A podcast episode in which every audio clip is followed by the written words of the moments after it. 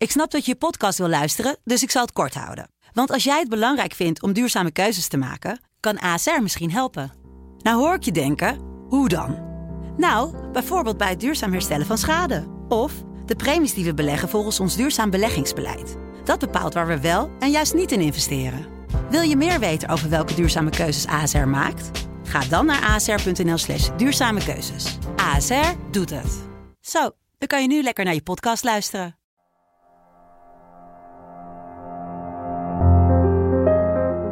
Dit is de politieke podcast van de Telegraaf. Afhameren met Wouter de Winter en Pim CD.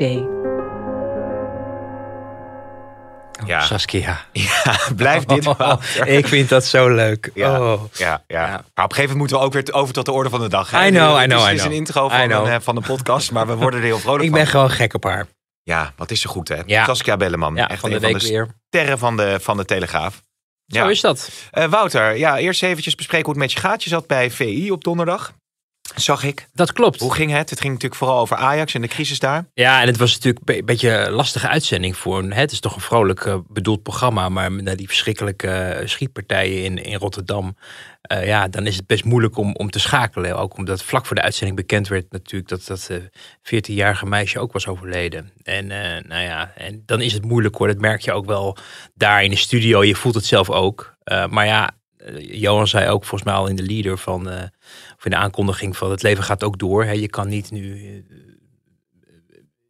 ja, het is heel erg, maar om nou Ja. eh, de rest van je leven af te zetten eh, voor een week of zo, dat kan natuurlijk niet. Dus dan, dan probeert men daar toch een brug eh, tussen te bouwen. En dan ging het al heel snel over voetbal. Mijn favoriete onderwerp. Ja. nou ja, jij was schijnbaar als kindje naar de meer geweest. Ja, ja, al, ja, ja, ja. In vak G stonden wij. Het was een staafvak. En dus daardoor dacht ik nog een beetje te kunnen aansluiten. Maar goed, deze mannen hebben echt verstand van voetbal. Ehm, en daarna ging het over politiek. En dan voelde ik me wel weer wat meer Ja. op, mijn, gemak. Ik had ook idee dat ik meer kon vertellen over politiek dan de vorige keer. Ehm, dus, eh, maar goed, je weet nooit. eh, de evaluatie komt altijd pas later. Dus eh, we zullen zien hoe het uitpakt. Nou, we gaan, het, we gaan het allemaal meemaken. We gaan het straks ook even over omzicht hebben. We gaan het nog even over, over de linkse wolk hebben, hoe het daar nou eigenlijk voor staat. Ehm, zometeen ook de PVV. Maar laten we nou even beginnen met een opmerkelijk moment. Je stuurde mij dat vanochtend door.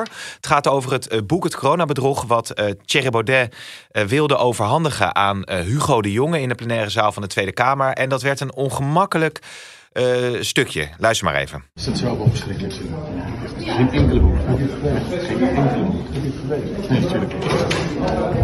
Hoe weet je dan dat zo verschrikkelijk is? Dat zelf wel verschrikkelijk vinden? Geen enkele moed. Geen enkele moed. Nee. Hoe weet je dan dat zo verschrikkelijk is? Ja. Laat het even twee keer horen voor de duidelijkheid. Hè? Voor de tweede keer. En dan is het nog moeilijk te verstaan. Ja. Maar wat gebeurde er nou? Eh, zij kwamen gisteren met een, eh, eh, met een, een wetsvoorstel eh, vanuit het Forum voor Democratie. Ik geloof dat het over het referendum ging. En ehm, nou, dat gebeurt sowieso niet zo vaak dat daar, dat daar echte voorstellen komen. Maar op het moment dat je met een wetsvoorstel komt, dan mag indiener, een Kamerlid, of dit, in dit geval twee Kamerleden van Forum voor Democratie, in vak K plaatsnemen om dat met de Kamer te bespreken. En de minister eh, die wiens be- be- beleidsterrein het is, dat is in dit geval Hugo de Jonge, want die is nu de minister van Binnenlandse Zaken. En het gaat dus over wetgeving die onder zijn departement valt. Zit daar dan bij als ja, raadgevend eh, namens het kabinet over hoe zij er tegenaan kijken. Of ze het uitvoerbaar achten of niet. Ehm, dus je zit tegen wil en dank dan ineens samen in vak K. Normaal het kabinetsvak waar Hugo de Jonge een tijdje geleden nog zijn rug toedraaide naar, eh, Ja. naar het spreekgestoelte van de Tweede Kamer. Omdat eh, er zoveel eh, nare dingen vond, vond Hugo de Jonge over hem. En ook onwaarheden over, de, over het coronabeleid werden, werden uitgevent door Vorm voor Democratie. Dus die, nou ja, dat is water en vuur. Dus je zag ook dat hij helemaal aan, de- aan, in de uiterste hoek van, van K was gaan zitten. Om maar zo ver mogelijk weg te blijven van die politici van Vorm voor Democratie. Want het waren politici, maar ook hun medewerkers die erachter zitten. En eh, nou ja, op het moment dat daar. eh, ik weet even niet of het geschorst was of het al ten einde was. Volgens mij was het ten einde. Want Hugo de Jonge die liep met zijn ehm, eh, koffer, zijn grote ministerskoffer, wil die weglopen. En dan maken zij daar een publiciteitsstuntje Ja. van. En dat gebeurde al tijdens het debat dat Thierry Baudet aan het filmen was wat er op het spreekgestoelte eh, gebeurde. Eh, maar ik geloof dat Gideon daar stond. Gideon eh, van, van, eh, Van Meijeren. Van Meijeren. Die, die, die een nieuwe medewerker zoekt, zag ik Ja. veel voorbij komen, maar dat terzijde. Ja, en, en nou, die, ging dan, die ging dan filmen. En dat mag natuurlijk ook niet. Want je mag geen filmopnames maken daar sowieso niet in de zaal. Behalve dan media als die toegelaten zijn. En dat mag ook zelfs maar heel beperkt. Dus daar werd, daar werd gewoon een campagnestunt van gemaakt. En dat was ook de ontmoeting met Hugo de Jonge. Die dus zich geconfronteerd voelt met het feit dat Thierry Baudet naar hem toe komt met dat boek. Wat, waar hij natuurlijk verschrikkelijke hekel al Ja. bij voorbaat aan heeft. Eh, en tegelijk, over, dat het over het coronabedrog gaat. En tegelijkertijd in zijn ooghoeken ziet dat een of andere dame van Forum dat ook allemaal vanuit vak K notabene aan het filmen is met haar telefoon. Dus je ziet in dat gemonteerde filmpje wat we net hoorden, zie je van beide kanten het, het, het, het, ja, de, de, eh, het filmpje van die dame en tegelijkertijd de clean feed die we Ja. van die Tweede Kamer krijgen. Dus dat je ook van een ander camera shot ziet hoe eh, Hugo de Jonge dat boekje gewoon weggooit. Dus die, die had er dus totaal geen zin in. En je hoort eh, Hugo de Jonge dus zeggen dat er allemaal verschrikkelijks in staat. En dat hij geen enkele behoefte heeft om het boek te lezen. Maar tegelijkertijd waren zijn gedachten bij Rotterdam. Hij is natuurlijk een Rotterdammer. En hij hoorde ook dat zijn huisarts ehm, is doodgeschoten gisteren Nee. door die man. Dus dit gebeurde allemaal op zo'n eh, moment. En dan eh, Forum voor Democratie, die zich daar eigenlijk niets aan gelegen laat liggen, denk ik, gaan we een campagnefilmpje beginnen. Eh, terwijl Hugo de Jonge dus eh, ja, dingen hoort en ziet en meekrijgt eh, op dat moment van al die ellende natuurlijk daar in Rotterdam. Ja, heel pijnlijk. En ook weer, ook wel weer een beetje denken aan dat, die interruptie die toen in dat één op één debat tussen Rutte en Baudet plaatsvond. Hè, dat debat onder leiding van Jeroen. Pauw. Waarin Baudet vroeg, ja, ben jij, eh, eh, wanneer heb je voor het laatst gehuild aan Rutte? En Ja. Rutte dan vertelt, nou ja, toen familielid doodging, toen en toen, Ja. dat was toen en toen. En dat daarmee ook gelijk echt zo'n zo'n sfeerbederf plaats had. Want mensen dachten, hoe, hoe haal je het in je hoofd om wat je dacht hem in de val te lokken. En ineens zag je een menselijkheid van iemand eh, die echt oprecht verdriet heeft gehad om de dood van een familielid. Dus zo'n campagne ding, maar die mensen laten, eh, laten zich aan niets meer gelegen liggen. En eh, denken maar eh, alleen maar ook, ook aan decorum in de Tweede Kamer. En een beetje met respect behandelen van een minister is er niet meer bij. Het is gewoon ieder voor zich geworden. En ze maken dus misbruik eigenlijk van de situatie om hem te confronteren. Weten denk ik ook niet hoe ernstig het Nee. dat moment ook voor hem is. Maar goed, allemaal ze heel zullen- pijnlijk. Ze zullen niet hebben geweten dat dat eh, de huisarts was van, eh, van Hugo de Jonge. Ja. Dat is natuurlijk een ja, vreselijk bericht wat Ja. hij dan eh, moet, moet verwerken. Ja, dus die, die lag ook echt wel af gisteren toen hij dat hoorde. Tja. Ja.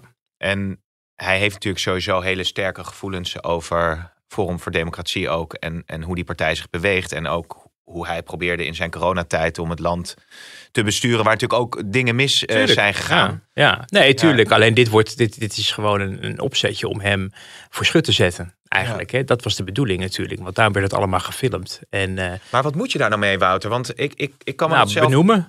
Nou, dat doen we dus niet. Maar jij zegt nu ook van, er gebeurt dus eigenlijk iets wat niet mag. Hè? Ja. Dat daar gefilmd wordt. Maar er wordt dus ook niet op eh, ingegrepen. Nou, er is wel toen met het filmen vanuit vak K van, de F, van het FVD-Kamerlid Gideon van Meijeren... Mhm. is er wel ingegrepen eh, door, ehm, eh, door de Kamervoorzitter.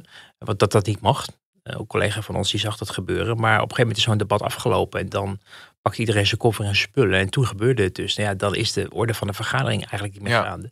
Maar gewoon, weet je, een beetje respectvol met elkaar omgaan is, eh is Nee, maar goed, als- gevraagd. Als, want eh, dat, dat zegt Thierry Baudet zelf ook. Dat het creëren van ophef eh, een van de grondbeginselen is nu van Ja. Forum voor Democratie. En ik merkte dat ook laatst met Gideon van Meijeren. Toen, die, toen bekend werd dat hij vervolgd gaat worden voor opruiing. Dat het, ik ben toen naar Forum gegaan. Eh, daar kwam ik aan en Gideon van Meijeren wilde mij daar niet te woord staan. Want hij wilde heel bewust wachten op het moment, kort voordat hij de plenaire zaal in, dat hij die hoorde journalisten inliep. Mhm. En heel weinig tijd nam. Maar dan krijg je natuurlijk automatisch een soort van onrust. En journalisten willen allemaal toch een punt maken. En kijk hoe ze, hoe, ze, hoe ze zich verdringen om met een microfoon. Exact. Ja. En eh, ik meen, eh Freek Jansen en Thierry Baudet die stonden van een afstandje te kijken hoe dat tafereel zich voltrok. En toen heeft Auke van IJssen, een verslaggever van Trouw, daar een foto van gemaakt. En dat zag je eigenlijk heel mooi. Zag je ze kijken van, oh, we hebben eigenlijk eh, ons, on- in onze opzet zijn we weer geslaagd. Want we kunnen dat weer op een bepaalde manier naar buiten brengen. Namelijk de hyena's van de pers verdringen zich om Gideon van Meijeren kapot te maken. Toen liep Baudet ook tijdens dat interview. Dat speelt zich dan allemaal af echt minuten voordat er gestemd moet worden. Dus je kunt eigenlijk ook geen kant meer op. Loopt hij er nog doorheen Ja. om zoiets te zeggen van ja, zijn jullie weer, weet je, eh, Ja. het kartel. Eh, en, en je kunt geen kant op eigenlijk. Uiteindelijk eh, hebben we het ook niet Nee, we hebben gepubliceerd. het gewoon niet, we hebben het gewoon niet op de site gezet. Nee, want wij, maar, we laten ja. ons niet voor dat karretje spannen. Maar eh, men probeert dus wel veel dingen en hoopt op aandacht. Maar goed, Ja. deze, dit, wij geven ze nu We ook hebben ze aandacht. aandacht gegeven, maar het is wel interessant om misschien een inkijkje te geven over Ja. hoe dat dan gaat. En tegelijkertijd mag Thierry Baudet prima daar een, een boek over schrijven. Dat is denk ik ook niet het punt, maar het gaat meer over de manier waarop dat dan gaat. Wat vreselijk ook, wat er natuurlijk inderdaad in Rotterdam is gebeurd. Dan ja, een gek sprongetje of een sprongetje naar eh, Beertema, Wouter. Ja, Ja, nou ja, het voorwoord eh, is af. Nou, ik, ik moet je wel zeggen, het verbaasde me ook wel een beetje. Omdat Harm Beertema wel een, eh, een Kamerlid is dat, nou ja, toch wel een, ook wel een hele eigen stijl heeft. Maar ook standpunten innam, zeker in het onderwijsdebat, die toch wel grotendeels afwijken van de mainstream. En nou ja, dat is op zich ook wel eens interessant, omdat hij af en toe ook eh, kritische noten over het onderwijsveld durfde te slaken. Terwijl mijn ervaring wel is dat als het gaat om onderwijsbeleid, eh, leraren en onderwijsbestuurders al heel snel heilig worden verklaard. Hè? Want die moet je vooral te vriend houden, want die werken allemaal zo hard en die hebben het zo zwaar en die zijn zo belangrijk. Eh, dus die oorspronkelijke koers vond ik, vond ik, nou ja, in ieder geval opvallend vergeleken met, met veel andere Kamerleden. Maar voor de PVV is natuurlijk niet een heel erg eh, belangrijk onderwerp onderwijs. Die zitten toch meer in, in nou ja, de migratiehoek. Eh, zorg ook nog wel, met de coronacrisis hebben ze dat ook wel een beetje geadopteerd destijds. Omdat het toen eigenlijk alleen nog maar daarover ging. Maar ehm, ja, eh, toch wel allemaal erg pijnlijk om, eh, om te zien dat eh, een Kamerlid dat er, wat is het, 12, 13 jaar heeft gezeten, dan weer zegt, ja, ik, ik, ik stop ermee, ik, ik word niet, het wordt, krijg niet de erkenning die ik had verwacht. En dat komt dan weer vanwege het feit dat hij tegen, wat zei hij ook alweer, tegen de achterhoofden van mensen zat aan te kijken. Dus mensen die boven hem Ja. staan, die dus meer vooraan mogen zitten in de Tweede Kamer op de lijst. En dat je dus niet die een aantal mensen je afvraagt van hoezo staan zij hoger op de lijst dan hij. Nou, dat gevoel had ik bij sommige van die hoger geplaatsten ook wel. Eh, dus dan ga je je wel afvragen van wat zit daar dan achter. Nou, Wilders houdt vol. Hij staat op een verkiesbare plek. Dat klopt ook. 16 Volg- geloof ik hè? ja, volgens de huidige peilingen is dat, eh, is dat inderdaad een verkiesbare plek. Maar je weet niet hoe dat natuurlijk de komende weken zich nog gaat ontwikkelen. Ik vind in ieder geval dat hij te laag eh, staat, eh, vindt Harm Beertema zelf. Ehm, er ging ook nog een gerucht in, in Den Haag dat hij al eerder, dus bij de vorige verkiezing al een gesprek zou hebben gehad met Vorm voor Democratie voor mogelijke overstap. Ehm, Oude vrienden zijn dat geloof ik hè? Zag ik nog ergens ja, dat kan het kennelijk goed met elkaar vinden. Maar goed, daar, daar weet Wilders niks van. Ik had hem dat gevraagd. Eh, Dus dat zal dan ook niet een, een rol hebben gespeeld. Als het überhaupt al klopt. Eh, maar dat er interesse is of ja, goede samenwerking of eh, ja, goede verstandhouding met Forum voor Democratie. Dat werd ook wel een beetje duidelijk deze week ook en ook wel bevestigd. Eh, maar ja, eh, dan er vandoor gaan. eh, je terugtrekken van de lijst. Nog wel in de Kamer blijven. Maar niet je zetel meenemen of zo. Maar in de Kamer blijven. En zeggen dat je een boek gaat schrijven. Waarin je gaat vertellen over hoe het allemaal niet democratisch is bij de PVV. Is na 13 jaar wel erg. ehm, Ja, rijkelijk laat. ja, dat is dan wel. Dan zou je zeggen, doe dat dan op het moment dat je net gekozen bent of zo. En Ja. gaat het dan, eh, maar niet op het moment dat je vindt dat je een hogere plek had verdiend. En je eigenlijk weer dreigt aan te sluiten bij dat hele concours van andere ex-PVV'ers die ook teleurgesteld waren. En omdat ze zich wilden losmaken van de PVV, ook omdat ze een nieuwe baan eh, beoogden te krijgen. Nou, bij Beertema, die is al, eh, volgens mij is hij al ongeveer 70. eh, dat zou je niet zeggen Oh ja? goed Oh. geconserveerd. Maar, dus die hoeft niet per se meer te werken. Eh, maar je ziet wel veel van ja, vroeger, voormalige collega's van hem. Dat die zich natuurlijk heel erg ging, tegen de PVV gingen keren. In de hoop dat dat hun kansen op de arbeidsmarkt vergroot. En dat is op zich natuurlijk ook wel raar. Hè? Als je volksvertegenwoordiger bent. En dat je dan eigenlijk de, voor de rest van je leven uitlicht. Ja. Daarom houdt Wilders die club ook bij elkaar. En dat houdt hij ook wel een beetje in zijn achterhoofd. Van ik wil niet de mensen die jarenlang loyaal zijn geweest. eh, eruit trappen. Omdat ik weet hoe moeilijk het is.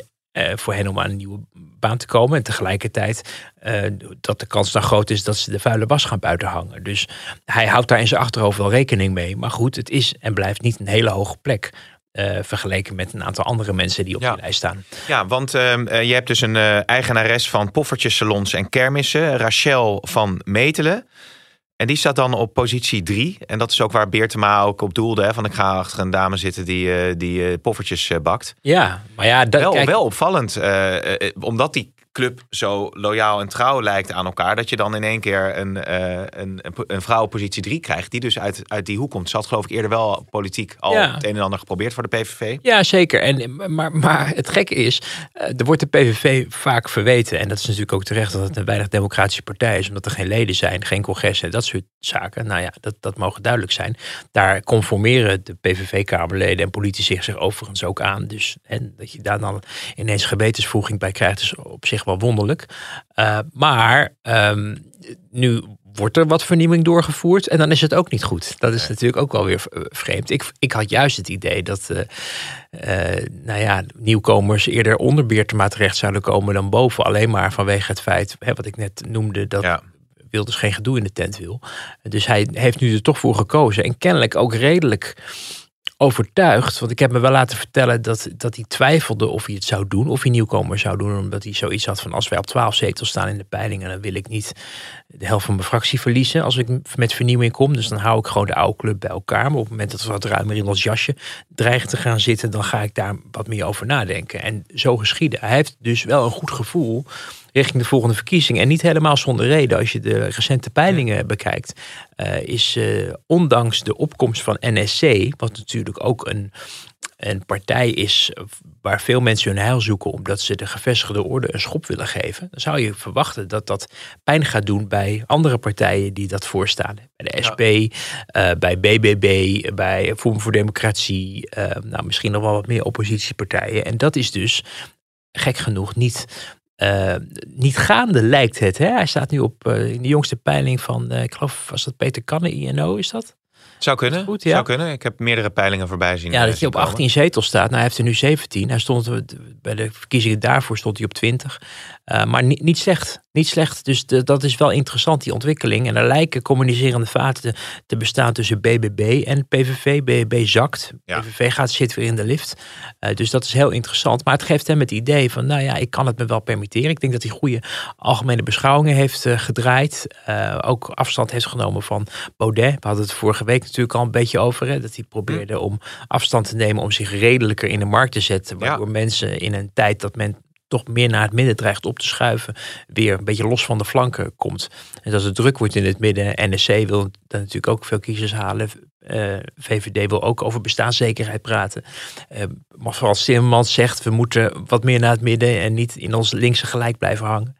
Uh, dus dat werpt zijn vruchten af en ik denk dat hij daar best tevreden over is. Ja, benieuwd hoe dat, hoe dat verder gaat dan voor Wilders. Wat, wat zou er in dat boek staan eigenlijk? Wat wordt het meest schokkende passage? Is natuurlijk nogal wel wat gebeurd bij die nou ja, je hebt natuurlijk allerlei dingen ja, die je nou. kan vertellen over. bedoel, ik zag nu iets voorbij komen dat.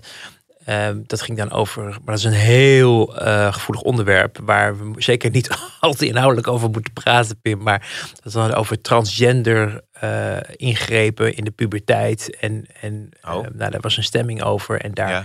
dat is een medisch-ethische kwestie. Daar is bij de PVV, net als bij andere partijen, over afgesproken dat je daar uh, uit je eigen, hè, naar, gewe naar eigen geweten mag volgen. Dus mm -hmm. dat er niet een, een fractiediscipline heerst. En dat betekent dat uh, de PVV-fractie ook verdeeld stemde. En dat Beertema een andere stem gaf dan de zorgwoordvoerder Fleur Agema. En ja. dat, uh, daar heeft hij dan ook weer over getwitterd. En daar hoor je wel vaker de afgelopen jaren gemok over dat Agema een machtige factor is in de, in de, in de PVV. En nou ja, soms ook wel eens heeft geprobeerd om mensen kal te stellen of zo, die ze uit de fractie wil hebben of zo. Oh ja.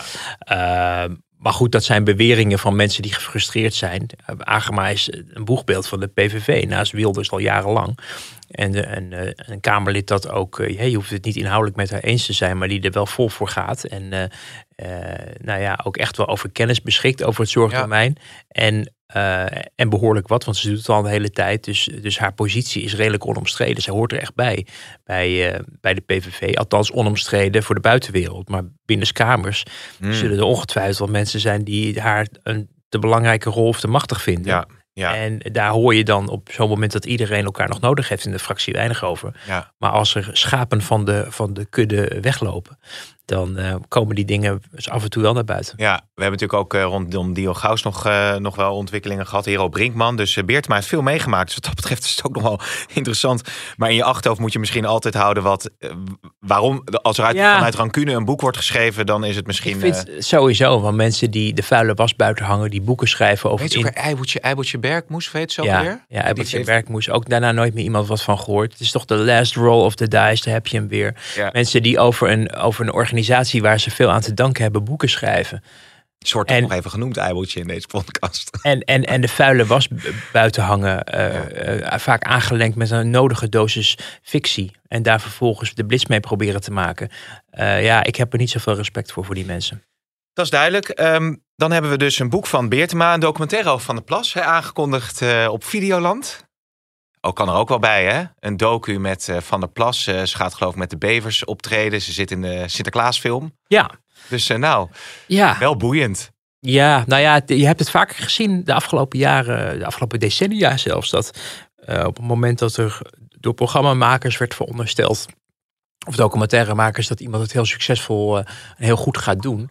Dan eh, probeer je daar eh, achter de schermen mee te kijken. En voor politieke junkies is dat ook eh, altijd wel interessant. Hè? We hebben het met, bijvoorbeeld met Wouter Bos Ja. hebben we dat gezien. De, de, de, de, Wouter Tapes. de- ja, was het de Wouter Tapes of de, de Bos Tapes? De Wouter Tapes. Is dat zo? Ja, dat Ja. zeg ik nu zo. Maar dat, Ja, ik weet ook goed. niet. Maar de tapes, ja. Nou goed, die krijgen we wel in de comments, denk ik. We hebben Emiel Roemer natuurlijk gezien. Die Ja. gevolgd werd in die legendarische scène dat hij eigenlijk was afgedroogd in een, in een debat. En dat er dan vanaf de, de ik geloof de, de, de, de, de, de front seat, hè, dus de, de, de bijrijdersstoel, werd gefilmd. En dat hij zijn vrouw belt over hoe het was gegaan en het niet goed was gegaan. En eh, eh, ja, ja, heel mooi en heel puur. We hebben natuurlijk de, de, de Sigrid Kaag documentaire. Wie eh, zijn die mensen? ja, wat af, zogenaamd allemaal helemaal onafhankelijk was. En toen bleek Ja. nou, er toch behoorlijk wat invloed vanuit D66 en de Kaagkring richting de programmamakers te zijn uitgeoefend. Dus het, is, het kan een interessant beeld geven van wat wij op dit moment niet meekrijgen. Ik begrijp wel dat die pas in januari of zo gepubliceerd zou worden. Nou, ik heb je hier wel even gesproken bij de RTL-presentatie. Oh, ja, nou, ja. Ook een RTL-ster natuurlijk. Ja, nou inderdaad. Ik wist niet hoe gauw ik over die loper moest lopen. Toen dacht ik van nou, nu ben ik binnen. Toen werd ik, Pas op, wat die RTL'ers die je luisteren meenemen. Ja, je moet maar wel je- loyaal zijn aan het bedrijf. toen werd ik teruggestuurd. Toen moest ik nog een keer over de loper. En, en riepen ik denk, ik Pim, denk dan ook, Pim, ja, kijk even, lach foto- even. Die fotografen zitten op Chantal Jans te wachten of Gerard Joling. Die zitten niet te wachten op de presentator van Afhameren. Maar als je nou naast Chantal Jansen gaat ja, dat staan... was misschien een goede geweest. Nou, ik zou samen met Ellie Lus gaan. Maar ik Ah. stond in de file, dus ik was later. Dus die was er alweer vandoor. Maar, eh, nou ja, goed. Jair gaf wel zoiets weg van... met name ook de periode dat Mona Keizer erbij kwam... en de manier waarop dat dan is gegaan. Nou ja, daar hebben we natuurlijk voor de schermen ook het een en ander over gezien. Eh, was dat nou professioneel of een beetje amateuristisch? Ja, daar is hij natuurlijk ook allemaal bij geweest. Ja, zei, maar dan kun- ga ik, nu, dan ga ik jou eens eventjes doorvragen. Ja. Hier weet jij meer over. Nou, ik kan er niet alles over zeggen. Nou, hij heeft zich niet heel breed over uitgelaten. Maar laat ik zo zeggen dat eh, heel professioneel is dat eh, niet eh, gegaan, schetste die. Dus, dus dat is interessant om even te kijken hoe dat in die aanloop naar die presentatie is eh, geweest. The rumors are true, denk ik dan. Ja, ja, maar goed, eh, dat moeten we allemaal dan maar. eh, maar Maar goed, het is, het, het, het, het is interessant. Wat wel wat ingewikkeld was voor, merkten wij de afgelopen, nou inmiddels al weken als journalisten, dat zij dus gezenderd bleek. En dat dat betekent, en dat er ook een camera ergens vanuit een hoekje zat mee te filmen. Dus als jij gewoon een politicus aanschiet en zegt, eh, ja, ja, ja. en ja. voor je het weet, eh, wordt dat geregistreerd. Dus Ja. dat is wel. eh, Dat is wel tricky dan eigenlijk. ja, en ik, ik, kijk, ik snap het wel. Want hoe kom je anders ooit aan een goede waarheidsgetrouwe documentaire? Alleen eh, als je dingen uit zijn verband trekt. En eh, als ik tegen jou ergens op terugkom wat wij vorige week hebben besproken. En daar weet men niet van. En nu ben je gezenderd. En nu vraag ik je wat waarvan mensen denken zo. Je moet altijd op je Ja. zijn. Ja, dus blijkt dat, is, dat is, wa- was wel een beetje gek. Maar ehm, nou ja, we weten het nu in ieder geval. Misschien kan Saskia trouwens ook nog een soort van verkiezingsrubriekje inspreken, zit ik nu te bedenken. Want eh, je krijgt natuurlijk steeds meer van dit soort eh, eh, klein bier, om maar in, in Van de Plas termen te blijven, gratis bier. Ja. Maar wat vond je eigenlijk van dat van eh, college tour met Jezegus, dat ze werd geconfronteerd met dat minimumloon? Of de bijstand. En dat ze er niet uitkwam. Dat ze zei eh, s- eh, 1600 of 1700 en het was 1200. toch wel enige mede verantwoordelijkheid. Want Ik zat in die uitzending Ja, toevallig. Omdat ja. ze, en ze met mij, ik heb met Pieter Omtzigt heb ik meegedaan. Met Khadija Ariep heb ik meegedaan. Christiane van der Wal had ze me gevraagd. Toen heb ik gezegd, nou laat die eerst maar eens wat presteren. Dan gaan we in het college toe vertellen hoe goed ze is. eh, of hoe slecht. Eh, en, en nu was ik gevraagd om mee te doen met... eh, of een paar vragen te beantwoorden over Dylan Jeziekels. Hier in het Telegraafgebouw zaten we een paar weken geleden op, op, een, op, een, op een stoel. En toen stelden ze me een paar vragen. En toen vroegen ze ook van ja, wat, wat, hè, wat zijn de goede dingen? Wat zijn de minder goede dingen? Wat zijn de zwakke plekken? En ik zei nou ja, ze is goed in eh, het justitieverhaal. Dat heeft ze onder controle. Ze is volgens mij een goede minister gebleken. Eh, te- ook tegen de verwachting van sommigen in die al heel snel concludeerden. Een jurist kan, een, iemand die geen jurist is, die kan dat niet. Nou, ze heeft hen eh, she proved them wrong. Hè. Zij, zij heeft eh, laten zien dat ze, dat ze dat wel kon. Eh, dus dat is goed. Alleen ja, wat weet iemand die zo goed in die justitiematerie zit over bestaanszekerheid, over zorg, Ja. over onderwijs. dat geldt overigens niet alleen voor haar. Hè. Dat geldt net zo goed voor Henry Bontebal, die over klimaat alweer heel erg veel wist. Maar wat weet hij eigenlijk van defensie of zo? En zo zijn er natuurlijk bij alle die nieuwe lijsttrekkers, zeker als ze vrij kort nog op die po- positie meedraaien, nog best vraagtekens te plaatsen bij wat is hun expertise. En ik heb dus in, dat, in die vragen gezegd van, nou ja, ik ben dus benieuwd of ze zich daar ook in ontwikkelt, of ze zich nu heel erg heeft ingelezen in zaken. Eh, en eh, nou ja, dat werd eigenlijk, dat fragment werd gebruikt. En toen zei van, nou, dan gaan we eens even controleren. en ja. toen kwam, wa- hoe, hoe hoog is zijn bijstandsniveau? En daar maakten ze dus de vergissing dat ze Dus minimumloon, hè? ik omdat ze het bijstandsniveau gewoon niet uit haar hoofd wist. En snel moest schakelen. En dacht, wat heb ik in de ministerraad voorbij zien komen over...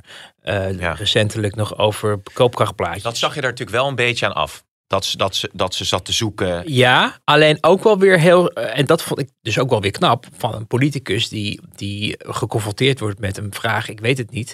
en dan er over, met Amsterdamse bravoure overheen dendert. Van, Ja. oh nee, dat is het minimuminkomen. Nee, want ik weet wel minimuminkomen en minimuminkomen en minimuminkomen. En waardoor je eigenlijk ja, probeert de, de aandacht af te leiden. Dat lukte in die uitzending redelijk. Ja. Maar eh, nou ja, Twitter Ja, ging, Twitter ging Twitter, natuurlijk, eh, ja. de, de- en zeker de politieke tegenstanders, die wisten er wel raad mee. Net als dat natuurlijk ook was gebeurd als Frans Timmermans er had gezeten en die werd met die over iets bevraagd waar die niet onmiddellijk een antwoord Nee. op wist. Maar je had ook toen nog eh, de, de, de vicepresident van... Ja. Zei, Kemmela.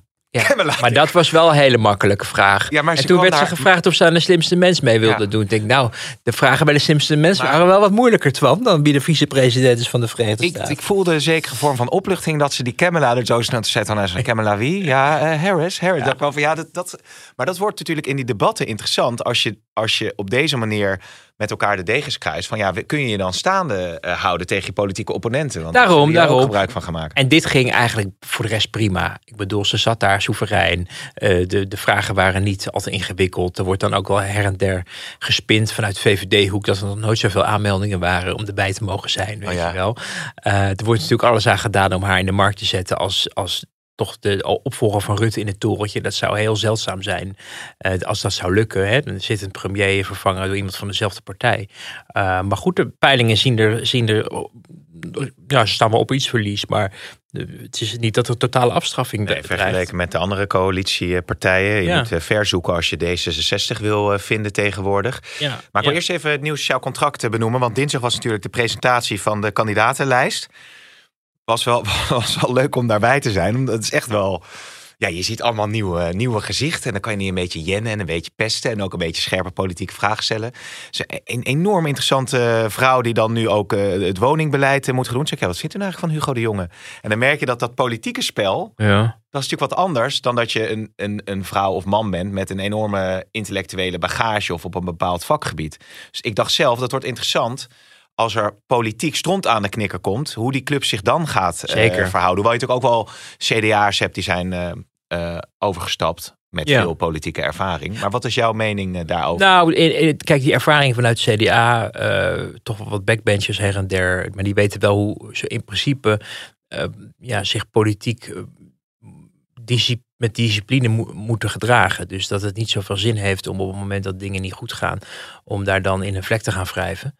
Ehm, maar het is inderdaad waar. En dat is de grote uitdaging, denk ik. Ik weet alleen niet of we dat voor de verkiezingen veel gaan zien, of dat het pas na de verkiezingen komt. Is Pieter Omzicht een goede leider? Is het een teamspeler? Houdt hij de Mhm. boel bij elkaar? Inspireert die mensen? Coacht die mensen? Gaan die mensen dingen zeggen waar hij ook denkt: ja, dat is wat ik ook naar buiten wil hebben namens mijn partij? Het is natuurlijk altijd als één partij hè, niet op basis van een ideologie wordt opgezet, maar op basis van één persoon, net als bij Wilders natuurlijk gezien hebben, dan kijkt iedereen wel eigenlijk naar of de grote baas het allemaal goed vindt. En eh, het wordt dus heel interessant om te zien of het eh, de, de nieuwe Kamerleden van de NSC eh, zal lukken om de goede toon aan te slaan. Het, eh, ja, het front gesloten te houden. eh, dingen aan elkaar te gunnen. eh, professioneel met fouten om te gaan.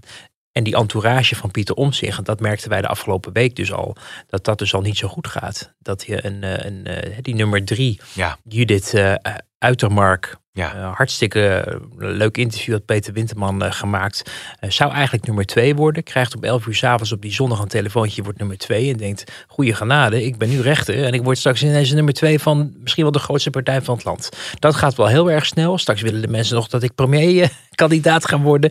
Dus zet mij op drie. Dus dat heeft ze aangegeven. Nou, het is gedaan. Toen hebben ze Nicolien van Vroonhoven.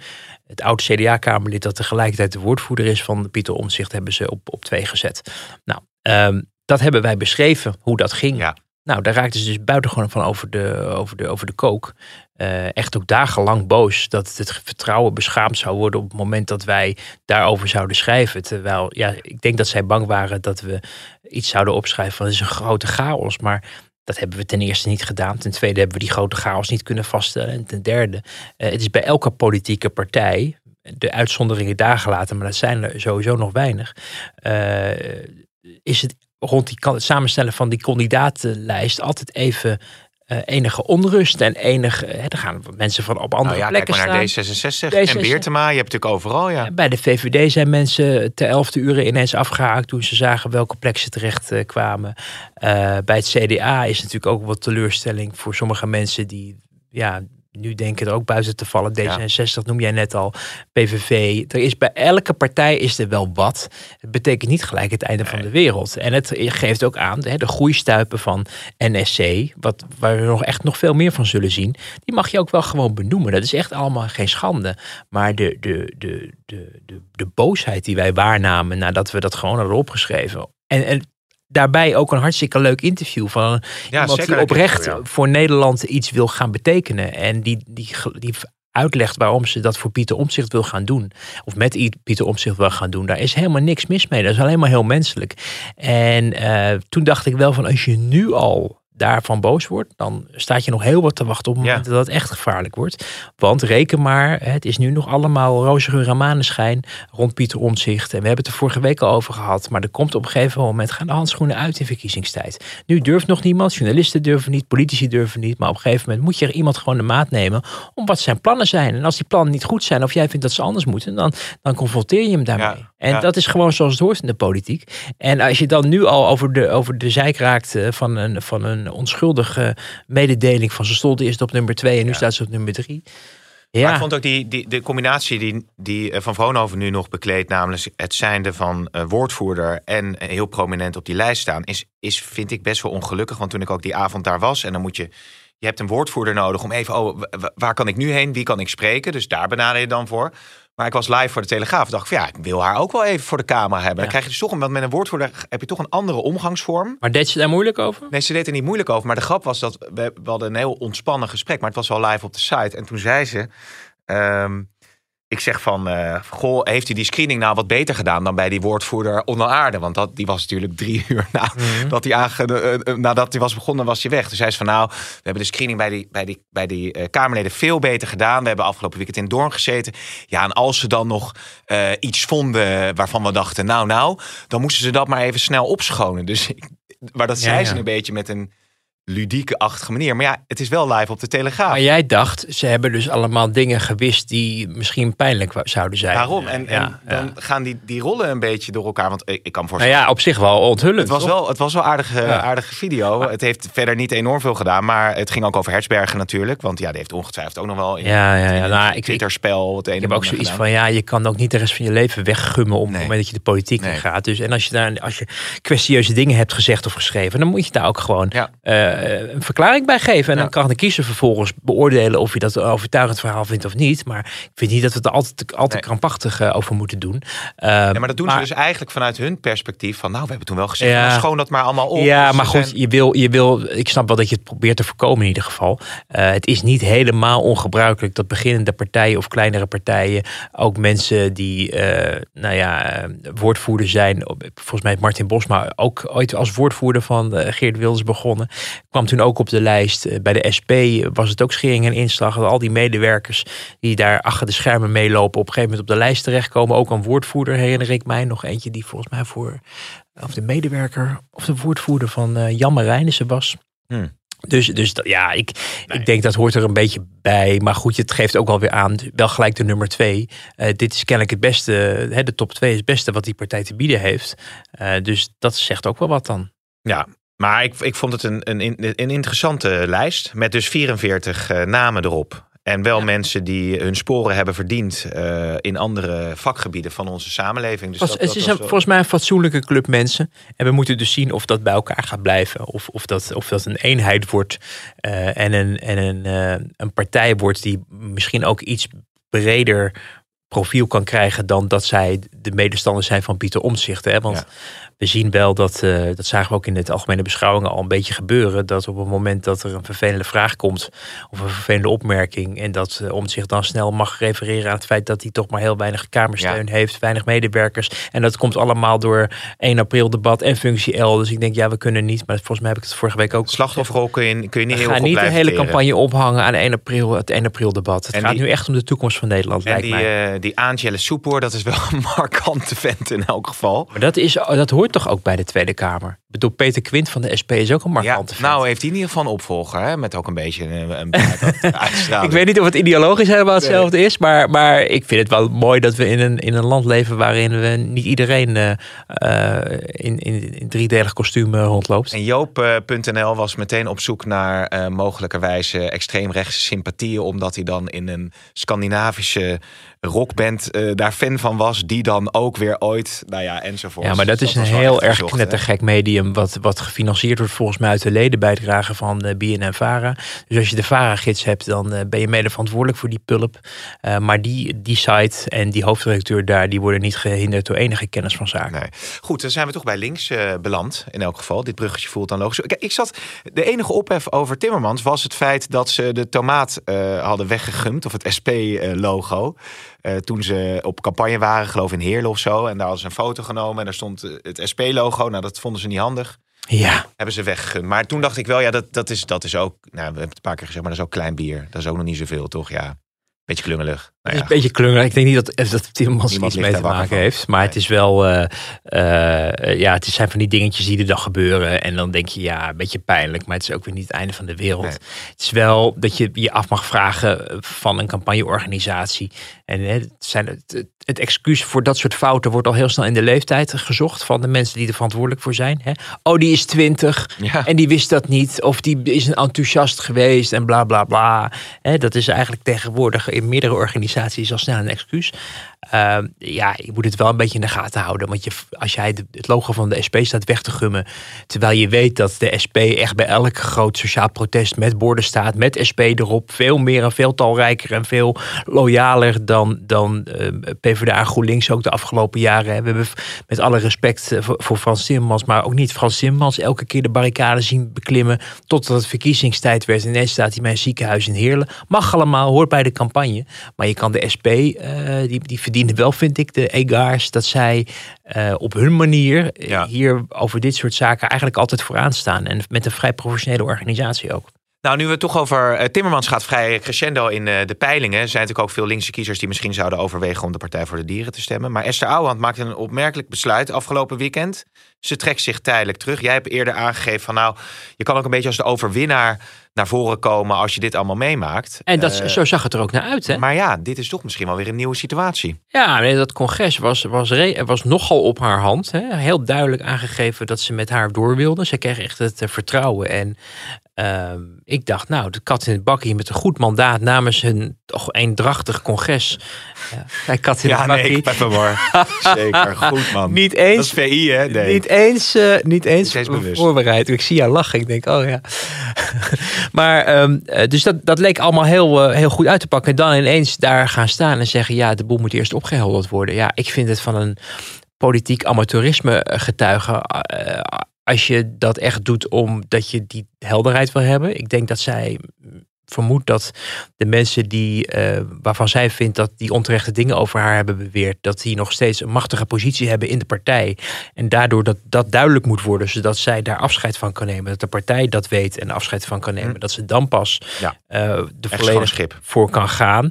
Maar wat ik ook nog steeds in mijn achterhoofd houd, omdat het toch wel een hele rare gang van zaken was. Hè? Toch iedereen overvallen op dat podium staan en zeggen: ik stop ermee eh, voorlopig, hè? tijdelijk trek ik mij terug. Je partij dus eigenlijk stuurloos achterlaat in verkiezingstijd. Ja. Vervolgens ga je dat podiumstapje af en dan, dan sta je de media niet te woord. Maar dan laat je de media met draaiende camera's en hobbelende journalisten met microfoons achter je aanrennen om enige duiding te krijgen. Die wil je eigenlijk niet geven, behalve dat je het voorbijgaan dus even wat, wat zegt of herhaalt wat je net hebt gezegd. Dat is ook niet hoe een leider zich natuurlijk dient te gedragen. Hè? Die, die hoort daar op zo'n moment na afloop beschikbaar te zijn en- de overwegingen duidelijk te maken en tegelijkertijd de potentiële kiezer gerust te stellen. Ja. Want ik snap dat het een, een schok is en een verrassing is, maar de Partij voor de Dieren is nog steeds Partij voor de Dieren. En ik verwacht dat het goed gaat komen, maar er moet nu even helderheid komen. En stel die kiezer gerust, want die kiezer wil geen gedoe zien. Kennelijk toch onrustig over een vervelende vraag. Of dat er iets speelt waar wij niet van weten. Wat nog naar buiten kan komen. Waardoor het ineens duidelijker wordt waarom ze dit allemaal doet. Eh, ik vond het daardoor wederom weinig professioneel. Zoals we al hebben gezien in het hele, in dat hele statement toen van het partijbestuur. Eh, van de is een integriteitskwestie en ze, ze, komt, ze wordt geen lijsttrekker.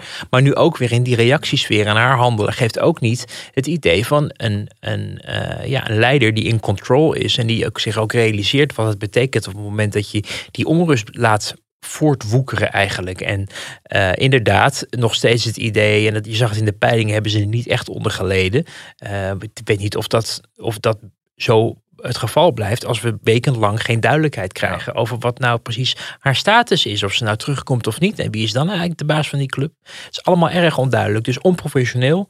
Eh, en en eh, ja, ja, daardoor ook wel redelijk verbijsterend. Want je, je hebt een puiker verkiezingsoverwinning in het verschiet. Er lag eigenlijk geen gevaar op de loer. Tenzij eh, links, van Verenigd Links natuurlijk de hele linkse blok leegtrekt. Nou, dat lijkt ook nog niet te gebeuren. En dan laat je het zo uit je vingers eh, vallen. Ja, ik, eh, ik stond ervan te kijken. Maar het is een aparte, een aparte club mensen. Dat Ja. zagen we ook op het congres. Eh, Zo is het. En ondertussen kan Henry Bontebal vrolijk doorgaan met... We nemen ze wel allemaal met- door? Nee hoor, nee, dan zijn we klaar. Dan ga ik het vliegtuig naar Schotland halen. Ga ik het monster van Loch Ness zoeken. ja. Oh, je ging toch ik met ga de even trein? een weekendje weg. Oh, oké. ja. Nee, ik ga wel met het vliegtuig, Ja. ja. ja. ik ga met de trein naar Schiphol. Heel goed. Dat dan weer Iedereen levert een beetje zijn bijdrage. maar wat wil je over Harry Bontebal? Nou, ik dacht alleen, ja, die, die blijft vrolijk orgel spelen. En nou, dat was natuurlijk prachtig, eh, dat dat filmpje rondging. En eh, dat is indrukwekkend, hè? Dat hij eh, mooi op het orgel... Heb je, heb je het voorbij ik heb zien het filmpje komen? niet eens gezien. Nou, hij heeft een tune van de Gladiator op Oh. het orgel gespeeld. En dat, dat, beheer, ja, dat beheerst hij echt heel goed. En ik had het er met hem over dat dat zoveel teweegbracht. Maar ja, er is nu meer aandacht voor het orgelspel van Henry Bontebal dan voor... Ja, dit zijn niet de verkiezingen van het CDA. En, en eh, dat weten ze ook allemaal wel intern. En er wordt, dat is wel grappig, bij andere partijen wel met enig, niet eens leedvermaak, eigenlijk meer medelijden nu naar het CDA gekeken. Omdat men wel denkt, ja, toch een bestuurderspartij geweest die verantwoordelijkheid nam. Eh, ik geloof 13 van de 16 kabinetten zaten ze in de afgelopen eh, decennia. En eh, nu helemaal door het putje aan het gaan. Maar ja, je hebt dus CDA 2.0, BBB en CDA 3.0, NSC. Dus het CDA-gedachtegoed is niet weg. Maar in die oude partij blijft natuurlijk wel heel erg veel historie achter. En dat is wel heel, ehm, ja, op zich triest. Ze hebben het natuurlijk ook wel een beetje zelf naar, naar gemaakt. Eh, een beetje, een beetje veel. Eh, maar dit worden niet de verkiezingen van uh, Nee. Bontebal. eh, wat ik zie ook nog niet enig Ehm, het is nog een beetje gedroomd vanuit een soort balkenende. Als iedereen straks elkaar in de haren vliegt, dan blijft Bontebal als een soort veilige vluchthoofd bestaan. Maar er is zoveel keus nu. En er zijn ook zoveel nieuwe mensen nu op het toneel. Dat hij zich daar ook niet heel erg eh, meer in onderscheidt. En dat, eh, ja, ze zullen denk ik uh, wederom het toch door de woestijn moeten maken. En moeten proberen om, ja overeind te blijven en, en te blijven watertrappelen tot het uh, politieke tijd weer een beetje keert. En het is heel wel mogelijk hè, dat straks als NSC heel groot wordt en op een of andere manier de verwachtingen niet kan waarmaken. Wat je natuurlijk vaak hebt gezien bij nieuwe partijen, zeker de afgelopen decennia ook. Uh, dat het toch allemaal weer een beetje tegenviel. Dat dan weer mensen terugstromen naar het CDA. En ik denk dat ze daar dat dat datgene is waar ze de stip op de horizon waar ze naar uitkijken. Van het gaat nu heel goed met onze CDA-concurrenten, zeg maar. Maar op het moment dat ook daar zal op een gegeven moment de klad in komen. En dan maken we misschien weer wat meer kans om relevant te zijn. Nou, dat is een mooi einde van deze podcast. Het was een iets wat rustigere politieke week. Maar we hebben er toch lang uh, en boeiend over weten te praten. En we zien elkaar volgende week weer. Dankjewel. Ja.